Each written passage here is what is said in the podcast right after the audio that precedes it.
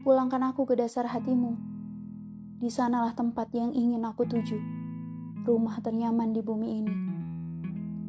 Kau tahu, aku lelah memandangi setiap manusia dengan barisan isyarat yang tak ada habisnya. Semestaku goyah. Berulang kali aku mencari keseimbangan yang aku tahu hanya ada padamu.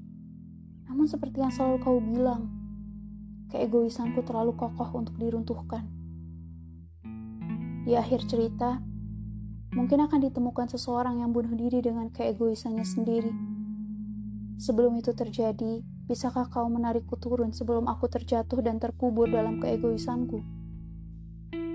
Bisakah kau membaca hatiku sekali lagi, seperti kala itu, saat kau memandang tepat ke arah mataku, dan kau mengerti bahwa manusia sepertiku tidak butuh pertanyaan dari orang lain.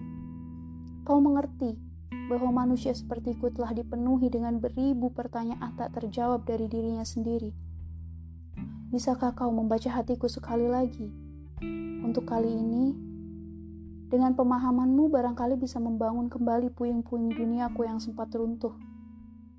Dan tanpa berjanji, mungkin aku akan menjadi rintik hujan dengan segelas kopimu tentu saja, karena kamu bukan penikmat teh sepertiku saat siangmu terlalu terik dan melelahkan.